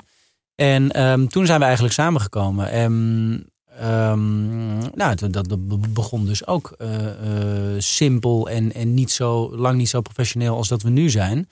Maar we hadden wel allemaal die, die, die drive en die visie. We wisten precies waar we heen wilden met z'n allen. We, we, we begrepen nog niet zo heel veel van de kunstwereld zoals we dat nu begrijpen. Als een groter geheel, maar wel de ambitie was er en de, hè, en de visie om te zeggen van nou we gaan hier echt iets groots van maken. Ja. En eigenlijk die rollen die zijn vrij eh, eh, organisch ook eh, ontstaan. Weet je wel, ik deed veel designwerk, deed veel internet en toen in het begin ook social. Zal Jozef vast niet weten, maar toen hij eh, al jaren voordat hij er gebruik van had gemaakt, had ik alvast de Instagram-adressen en de Facebook-adressen vastgelegd. Toen Joe allemaal nog dacht van, nou, daar gaan we, daar moet ik helemaal niet. Weet je wel, nu is dat allemaal. eh, nu is het allemaal eh, de name of the game. Maar ik dacht, ik zag die technologie. Ik denk, nou, dat Zie gaat nog, wat er gebeurt. Hij, hij, worden. terwijl hij dat zegt, move hij dus de mic naar mij. Ik, zie, ik zie dat hij om wat- eigenlijk hem on air te bedanken. Het is heel bijzonder wat hier gebeurde. Dan hebben mensen het idee wat hier net gebeurt. Maar, ja, ehm, nee, maar weet je, op die manier en, en, en op een gegeven moment, eh, wat, Super je, bedankt, wat je doet in een, eh, in een team, is je trekt eh, rollen naar jezelf toe waar jij eh, denkt een eh, grote bijdrage te kunnen leveren. Dus bij Susanna was dat heel erg eh, eh, commercieel eh, ehm, en, en, en, en ja, eh, negotiation en dat soort dingen. En bij Ja. mij was het meer marketing en eh, het was ehm, eh, legal. Weet je wat, het zijn allemaal van die dingen dat als je, als je, als je serieuzer wordt, hè, bij, de, bij de eerste gallery expositie moet er een contract komen. Met een conciliatiecontract. Ja. En eh, wanneer geef je terug en hoe werkt dat? Eh, Iemand moet dat maken. Maar het En- is wel een dingetje hoor. Want je, je, Ja, dat zou, daar ook, je zou daar ook eh, mensen voor in kunnen huren. Maar nee, dat kan, maar dat ervoor. geld heb je niet. Nee, Nee, het, nou, is dat- niet dat- een dat keuze. Het is niet een dat keuze. Je moet, Dat je moet niet vergeten, Dat als je waar. begint Dat en geen waar. geld hebt, dan heb je dat budget niet. En True. wat veel mensen gewoon niet begrijpen, is dat al deze rollen altijd hebben bestaan. Dus hoe het, hoe het dan even zit, eh, eh, eh, traditioneel gezien, is de kunstenaar maakt de kunst. En die geeft zijn kunst aan de galerie. En die Ja. galerie, die heeft expositieruimte, die heeft legal, die heeft marketing. Die moet ook invitations drukken en mensen uitnodigen om naar de show te komen. En de shows plannen, et cetera, et cetera. Dus die, die rollen zijn er altijd geweest. Maar wat heel uniek is, is dat wij alle rollen eigenlijk onder één dak hebben. Ja. En eh, op een gegeven moment, weet je, we werkten met heel veel galeries. Maar wat natuurlijk wel zo is, dat is heel simpel eh, te beredeneren. Een galerie die heeft misschien 10 of 20 kunstenaars. En die moeten shows doen en roleren. En die focus, die ligt natuurlijk verdeeld. En wij, eh, wij zijn alleen maar bezig met, eh, met, met, met Jozef Klibanski. Dus maar ben dan- je, ben je dan ook een kunstenaar of niet? Of is dat echt, is alleen Jozef de, kunstenaar en Nee. jullie zijn Ja. er omheen? Ja, Joseph is echt de kunstenaar en dat is gewoon altijd zo geweest. En, en je moet dat ook heel erg eh, eh, duidelijk hebben, die lijn. Ehm, uiteraard bespreken we dingen en, en we praten natuurlijk met elkaar. Maar het is natuurlijk wel zo dat elk idee wordt geïnitieerd door Joseph. Hij heeft de final say over hoe een werk eruit ziet. En net als met elk concept kan je natuurlijk wel met elkaar sparren. Maar het is aan hem om te, eh, te bepalen wat er dan wordt gedaan met een idee. En Hè, welke richting op. eh, ik bedoel, al, al dat soort dingen. Het is echt. eh, Joseph is de, is de creatieve geest Ja. achter elk werk. Maar, maar wat ik net ook naartoe wilde eigenlijk is dat, dat het een dingetje is. Is dat je, je moet maar met je broer samen kunnen werken. Je moet maar met de schoonzus samen kunnen werken. Met je Ja. moeder, met je vader iedere dag. Ja. Het is, eh, het is, ik weet niet Ruben, jij, eh, jij hebt broers. Ik Ja. zelf niet. Maar zij, zij moeten eraan aan moeten denken. Ehm, nou, we hebben allemaal heel andere talenten, dus dat is niet echt, eh, komt niet echt ter sprake of zo. Eh, maar ik denk dat ik kan me voorstellen dat het wel pittig kan zijn. Want waar ik soms linksaf ga, gaat mijn broer rechtsaf en andersom. Ja.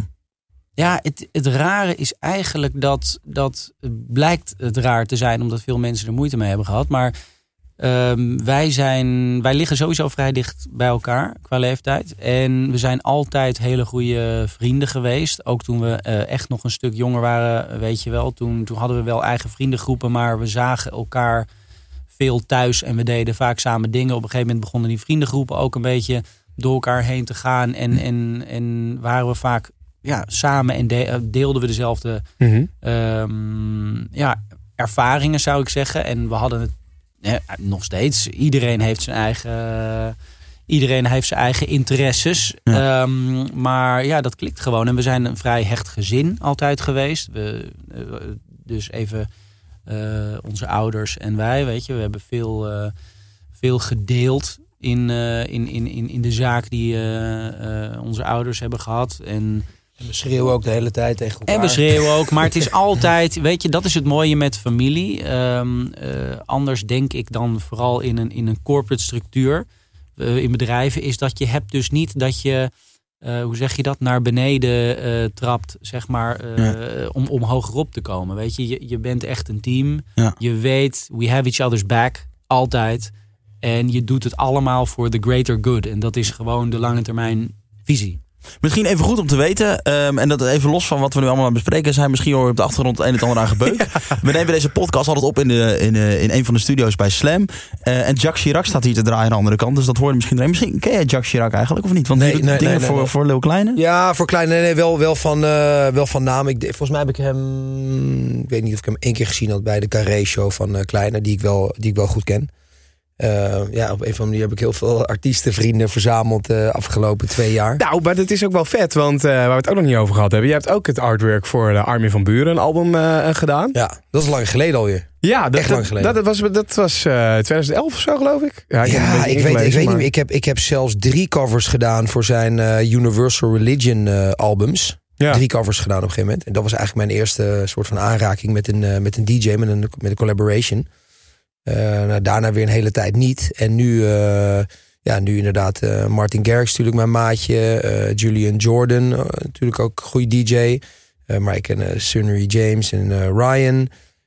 Kleine, Mr. Tourposter ook toch? Ja, kleine? ja, voor Kleine heb ik inderdaad de tourposter gedaan. En wat heel vet is, dat staat ook op mijn Instagram, is moet je een beetje naar beneden scrollen. Zo weer een klein tijdje terug. Maar dat is, ehm, we hebben de visuals gedaan voor zijn show. Die zijn eh, om tour meegaan, maar dit was opgenomen tijdens Carré. Hele vette, is een, een achtergronddoek van 14 meter, plus een aantal eh LED-screens. Oh, die heb ik gezien. Mega, ja, echt, was, was, Ja. was super cool. Mr. Props is een, is, een, eh, is een heel goed vriendje van mij. Maar een goede vriend, eh, tevens klant. Eh, ja, ook klant. Ook klant. Ja, ja, ja, ja. Props is eigenlijk, ja. Ik moet eigenlijk zeggen dat eh, ja, bijna iedereen die ik ken of die vrienden zijn, wel wat gekocht hebben. Ja. Ja, dat ze het gewoon vet vinden. En dat kan niet zijn voor 1500 euro. Weet je, wat voor onze eh, de lower ranges, maar wel echt hele vette stukken zijn. Waar we ook, ik maak alleen maar stukken, ook de limited editions, die ik zelf wil hebben. Mijn huis hangt vol met, met die limited editions. Terwijl ik ook gewoon een stuk kan pakken van 100.000 euro. Maar ik vind het gewoon net zo vet. Ja, natuurlijk. Het, het, het is gewoon net zo vet. Hey, zullen we er even een eh, vraag van een luisteraar bij pakken? Want eh, je had het net over het enorme beeld wat jij gemaakt hebt. Ja. En daar kwam een vraag over van, Cool. eh, van Joost. Hey Joseph, Joost Twinkels hier. Ik eh, heb een vraag voor je. Hoe maak je praktisch gezien zo'n onwijs groot kunstwerk als het self-portrait of a dreamer? Ik vind het onwijs vet, maar het is zo immens groot. Het past niet eens in je achtertuin. Maar hoe maak je dat? Hoe gaat dat in zijn werk? Ja, vet. Ja, vet vraag. Ja, kijk, dat technische, weet je, dat, dat vind ik gewoon heel cool om over te vertellen. Ehm, die Self-Portrait of Dreamer is een werk van 9 meter hoog zonder sokkel. Ja. Dus dat stond bij Lowlands op een sokkel, dus dat was daar 13 meter hoog. Ehm, wat we eigenlijk gedaan hebben, je moet het een beetje zien als eh, jachtbouw, zeg maar. Is ik heb eerst een, eh, een metalen frame gemaakt. Dus dat moet je eigenlijk zien als een soort eh, stickfigure. Dus een poppetje die, die een kind zou tekenen. Mhm. Dat is dan eigenlijk eh, de structuur. Dus het moet natuurlijk allemaal eh, eerst uitgemeten worden. Dus wij maken een tekening wat wij denken dat het is. En dan samen met een ingenieur kijken we of het dat kan houden en niet omvalt. En hoe dik het staal moet zijn. Want je moet natuurlijk, het moet allemaal verzekerd kunnen worden. Dus het moet wel echt eh, afgetekend worden door een ingenieur. Ehm, dus op een gegeven moment, je maakt dus die stickfigure, die lassen we helemaal van, eh, van staal, dat geraamte. En wat we gedaan hebben bij dit stuk, waar hij het over heeft, is dat we ehm, een robotarm hebben gekocht. Dus een industriële robotarm. Maar normaal zit daar een soort grijper op of een, of een spuitkop voor een autofabriek. Ja. Maar wij hebben daar een, een soort eh freeskop, noemen we dat, eigenlijk een soort boorkop op gezet. Ehm, en een stukje daar vanaf hebben we een tafel neergezet met een, met een enorme soort piepschuimen blok. Maar dat, dat is een speciale toolingblok. Dus dat is, dat is niet gewoon piepschuim, maar heel hard schuim. Ehm, en dat zijn eigenlijk bloks van een kuub. Hè, dus een meter, meter bij een meter. Eh, en dan hebben we dat, dat eh, object, de sculptuur, hebben we eigenlijk opgedeeld in eh 30 blokken van een kuub. En hebben we met die robotarm hebben we die aan alle kanten bewerkt. Zo. Zodat we eigenlijk hebben een puzzel gebouwd van 30 blokken. En die 30 blokken die hebben we verlijmd op dat metalen geraamte. En op het moment dat dat allemaal erop zat, dan hebben we daarna alle naden dichtgewerkt. En hebben we met de hand hebben we alles afgewerkt. Want die robotarm, omdat we eh, met een bepaalde snelheid wilden werken, was die resolutie niet heel hoog. Dus we hebben daarna alles ehm, met een team van 7, 8 man. eh, hebben we dat nagesculpt. Dus we hadden de ruwe shape, maar daarna hebben we letterlijk met, met een soort broodmessen en kettingzagen. Daar heb ik filmpjes van, dat is echt te cool. Hebben we dat werk helemaal afgemaakt. Daarna geschuurd.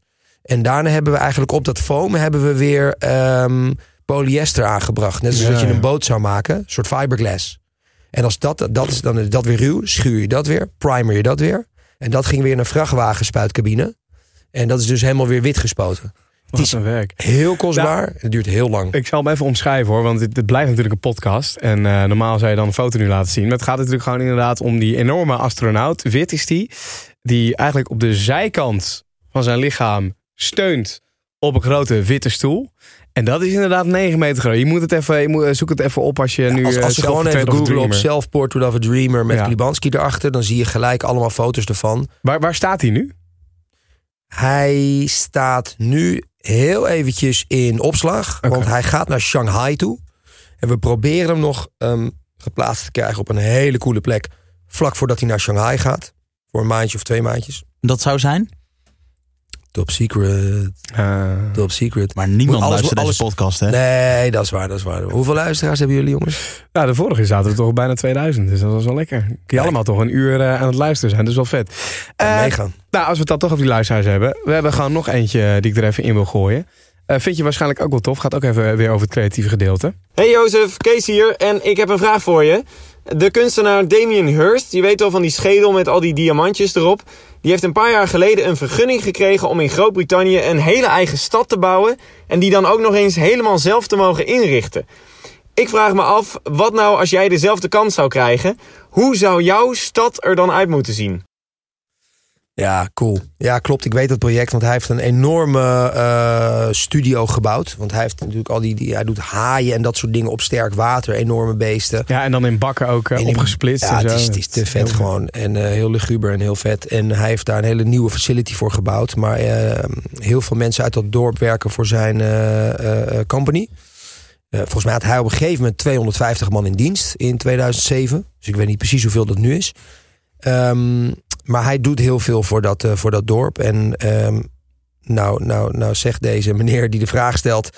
eh, weet je, hij kreeg de kans om... eh, maar dat was eigenlijk gewoon een investmentproject van Damien Hirst. En hij ging die huizen bouwen. Die werden natuurlijk allemaal verhuurd en verkocht. Dus dat was een, was, was een business deal.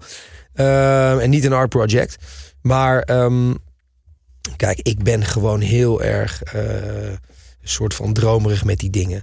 En, en, en als ik het de vraag even opvat, eh, niet, niet de business side, maar gewoon eh, als een art project. Ja, dan zou ik gewoon ehm, jungle-achtig maken. Heel surrealistisch. Eh, weet je, op een plek waar een jungle helemaal niet hoort. Je moet natuurlijk kijken of planten daar kunnen groeien, maar heel jungle-achtig. Ehm, maar dan weer heb je, kom je ergens op een pleintje en daar heb je dan een soort van kraampjes met suikerspinnen. En alles is heel erg gestyled. Alsof het een soort van bizarre fake world is. Weet je wel? Ik wil mensen gewoon laten dromen. En ik wil dat om iedere hoek een verrassing is. En daar weer een beeld en daar weer een fontein. En elke keer denk ik, my god, wie heeft dit gebouwd en wie woont hier? Zou ik het echt als, als, als werelds grootste art project zou ik het doen. Vet. Ja, en eh, er wordt toch een beetje een soort van coole eh, Disneyland. Eh, en weet je, wel, kunst moet mensen wel inspireren. Kunst moet vooral vragen stellen. En dat doet mijn werk ook. Moet vragen stellen. Wat, wat, wat gebeurt hier? Waarom doet hij dit? Hm. Wat bedoelt hij? Maar het- ik vind ook niet dat het aan mij is als artist om die vraag te beantwoorden. Ik mag een visie hebben en ik mag een vraag stellen door een werk. En het is niet de bedoeling dat ik dan zeg ja, maar het is dit en dit en dit. Ik vind het dan cooler dat mensen dan hun eigen interpretatie hebben. En dat we later misschien in gesprek gaan over eh, de meaning of the work, zeg maar. Je, eh, dat vind ik mooi. Je, kunst betekent iets. De dingen die jij maakt, daar, daar wil je een bepaalde reactie mee uitlokken. Wat denk ik altijd eh, het doel is van Mhm. kunst. Ehm, ik ben toch benieuwd. Je verdient gewoon veel geld. Daar kunnen we heel moeilijk over doen. Maar een Ferrari kan ik mezelf niet veroorloven. Eh, dus, en dat mag ook. Maar ik ben oprecht benieuwd. Stel, eh, jij, jij, jij deed dit. Maar niks of niemand wilde dit werk van jou kopen. Niemand gaf een cent uit aan datgene wat jij aan het doen bent. Ja. Zou je dan nog steeds ditzelfde met zoveel overtuiging en zoveel passie doen? Nee. Nee. Omdat ehm, ik vind gewoon als mens, en dit heeft niks te maken met, eh, met geld verdienen. eh, als mens eh, wil je gewoon een bepaalde waardering hebben. En je kunt wel oneindig iets doen wat niemand boeit.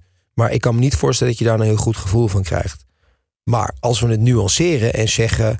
Wat nou als jouw fanbase minder groot was geweest? Had je het dan nog gedaan? Dan had ik gezegd ja. Dus als je het doet, net zoals bepaalde muzikanten, en er is een, een nichegroep, en dat is 5% van de mensen, is helemaal waanzinnig lyrisch gek van wat jij doet, dan krijg je daar zoveel motivatie uit. En juist omdat het een kleine groep is, dan heb je een echt een wijgevoel. Dan zou ik het doen. Als er niemand is op aarde die het boeit, ja, ik ga niet 30 jaar in mijn eentje iets zitten doen. Want iedereen vindt het leuk om een so- soort samenhorigheid en een wijgevoel te hebben. Ja, dus dat lijkt me een heel duidelijk, eh, duidelijk antwoord. Hey, ehm, als jij kijkt naar de komende vijf jaar. Ja, dat, dat, dat, dat is zo'n vraag. Die stel je eigenlijk heel veel aan Ja. eh, mensen. En die krijg je waarschijnlijk ook heel vaak. Waar zie jij jezelf over een, een aantal jaren? En dat gaat nu onwijs lekker. Eh, Shanghai heb je het over, waar, waar je beeld naartoe gaat. Eh, Er lopen wellicht andere projecten. Eh, wij, hebben, wij hebben een eh, plan uitgestippeld voor eh, de komende vijf jaar. En die is heel erg gefocust op, op de US. Dus wij willen echt een, een doorbraak in de US, hè, om het maar eventjes zo te zeggen. Ehm, omdat dat een, een markt is ehm, waar nog relatief weinig van mijn werk is. Ja. Ehm, en, dan, en dan focus ik eventjes op New York als main focus. Maar ook dan een stuk LA. En we zijn nu bezig in Las Vegas. Maar dat is niet een, een, een, een art market, een bekende art market. Maar eigenlijk is het, eh, is het New York. Dat is een beetje het epicentrum van de kunstwereld. Eh, ook zeker de elitaire kunstwereld.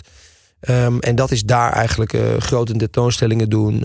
meer serieuze verzamelaars hebben. We hebben heel veel hele serieuze verzamelaars die echt...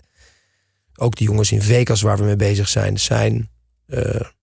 eh, een beetje de grootste Damien collectors ter wereld. Maar ook eh, van Jean-Michel Basquiat. Dus dat zijn echt eh, zeer gerespecteerde artists. Maar je wilt wel graag in het MoMA hangen in New York.